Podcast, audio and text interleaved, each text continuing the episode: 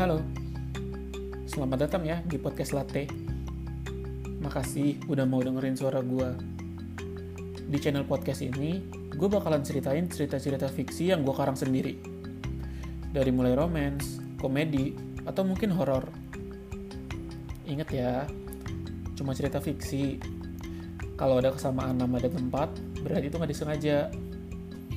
Jadi, jangan lupa di follow supaya kalian gak ketinggalan ceritanya. Terima kasih.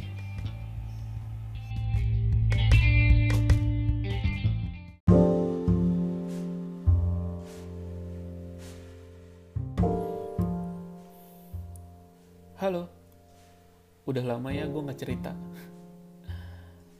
Oh iya, selamat menjalankan ibadah puasa ya. Ingat, banyak-banyakin beramal. Contohnya kayak like dan share podcast gue ini. Aji mumpung banget ya. Hmm, jadi kemarin itu gue habis ketemu sama teman lama gue secara nggak sengaja. Kita satu SMA dulu, tapi nggak sekelas. Cuma saling kenal aja. Sekarang dia jadi barista di salah satu kafe terkenal di Jakarta. Namanya Rika. Cantik. Tapi kayaknya baru-baru ini aja deh dia pakai kacamata. Soalnya dulu itu pas di sekolah nggak pakai. Hmm, tapi jujur, dia cocok banget pakai kacamata. Ya biasanya kan kalau orang pakai kacamata itu identik sama kutu buku. Iya nggak sih? Atau menurut gua doang? Tapi dia nggak keren, tetap stylish. Enak banget gua ngelihatnya. Gue masih inget banget dulu itu pas di sekolah dia punya julukan si heboh. Dari namanya aja udah ketahuan kan kalau sifatnya kayak gimana. Yap, betul banget. Dia itu lawak banget orangnya. Ketawa mulu tiap hari. Gak pernah tuh gue ngeliat dia sedih. Bahkan waktu ada masalah di sekolah aja, sempet-sempetnya dia ngelawak. Mood booster banget deh pokoknya itu orang. Nggak bohong gue.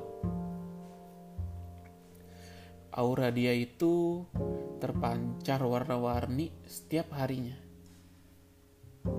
Merah, kuning, kelabu, di langit yang biru. Loh malah nyanyi. ya mungkin itu alasan dia akhirnya punya banyak temen.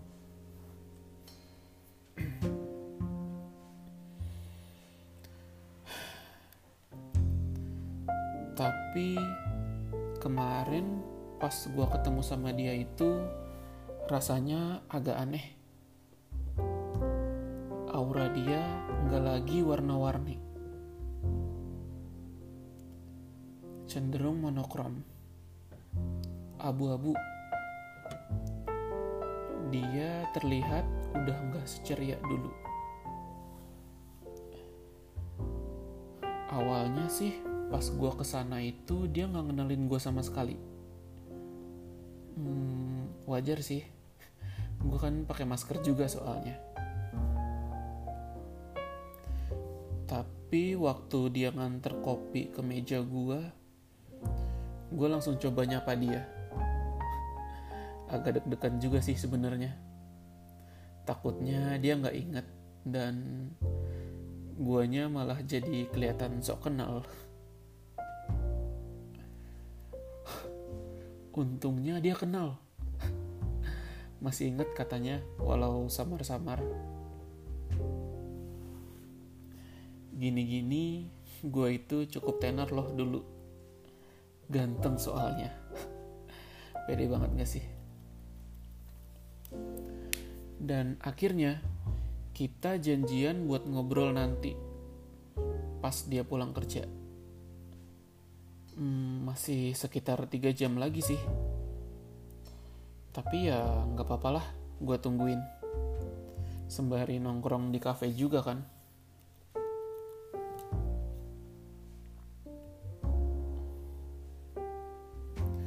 Pas ngobrol, gue coba pancing dia dengan manggil dia si heboh. Panggilannya waktu sekolah dulu. Tapi dia cuman ketawa sambil geleng-geleng kepala. Terus bilang, miris banget ya hidup gue dulu. Harus rela jadi badut sirkus setiap harinya. Di situ gue cuma bisa kaget. Loh, badut. Tapi dia malah ketawa lagi. Aneh banget ya kata-kata gue. Maaf ya. Tapi ya kurang lebih gitu. Setiap hari gue harus maksa diri gue buat selalu ceria. Bikin orang-orang di sekitar gue jadi happy. Jujur, gak enak banget tahu rasanya. Gue sadar kalau gak ada yang nuntut gue buat ngelakuin hal itu. Tapi, lu sadar gak sih? Kalau di setiap pertemanan, masing-masing orang pasti punya peranan. Dan peran yang gue dapet waktu itu adalah jadi badut. Jadi si periang. Vitamin buat teman-teman gue yang harinya buruk. Tugasnya menyebarkan aura warna-warni di sekitar. Kalau boleh jujur, gue juga nggak tahu sih kenapa gue mau ngelakuin hal itu. Walaupun rasanya sesak, tapi ya tetap aja gue lakuin.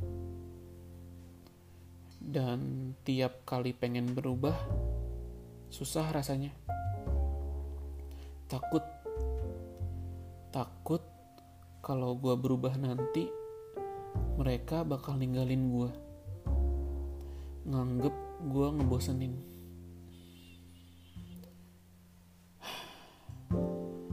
Egois banget sih pikiran gue waktu itu. Tapi ya pikiran itu datang aja tanpa gue sadarin. Pernah sekali, dulu banget waktu SMA kelas 2 kalau nggak salah. Gue sedih. Hari gue buruk banget. Setiap hari orang yang gue temuin selalu tanya, kenapa gue sedih? Nggak kayak biasanya kata mereka. Lu tahu nggak? Gua sampai datang ke psikiater cuman buat nanya kenapa gua nggak bisa jujur tentang perasaan gua. Tapi ya ujung-ujungnya nggak terjawab. Bukannya nggak kejawab juga sih. Cuma susah aja buat nurutin kata-kata motivasi dari psikiater itu.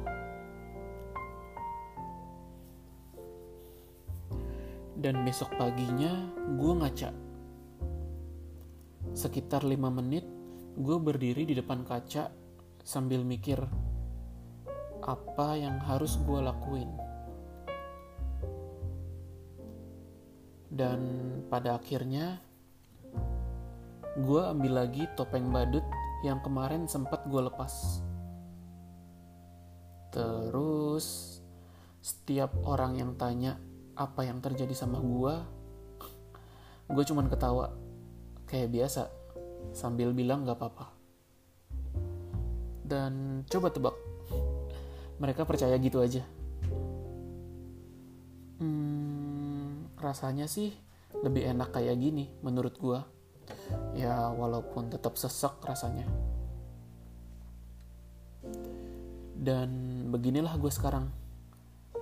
Sejak lulus dari SMA, gue mutusin buat ngebuang topeng badut badut gue dan gak pernah make topeng itu lagi. Nyoba buat jujur sama perasaan gue sendiri. Sumpah, rasanya enak banget. Plong. Jadi ya lu gak usah terkejut sama perubahan gue saat ini.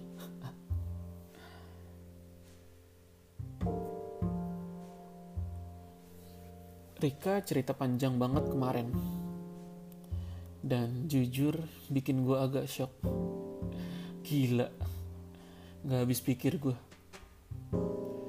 agak sedih juga sih sebenarnya. Tapi uh, gue juga ikut senang sebenarnya karena akhirnya dia berani buat jujur sama perasaannya sendiri. Hmm, itu aja sih cerita gue pas ketemu Rika kemarin. Oh iya, gue mau ngucapin semangat buat kalian yang masih jadi badut sirkus sampai hari ini. Kalian hebat, bisa nutupin kesedihan dan menebarkan kegembiraan. Dah itu aja. Thank you.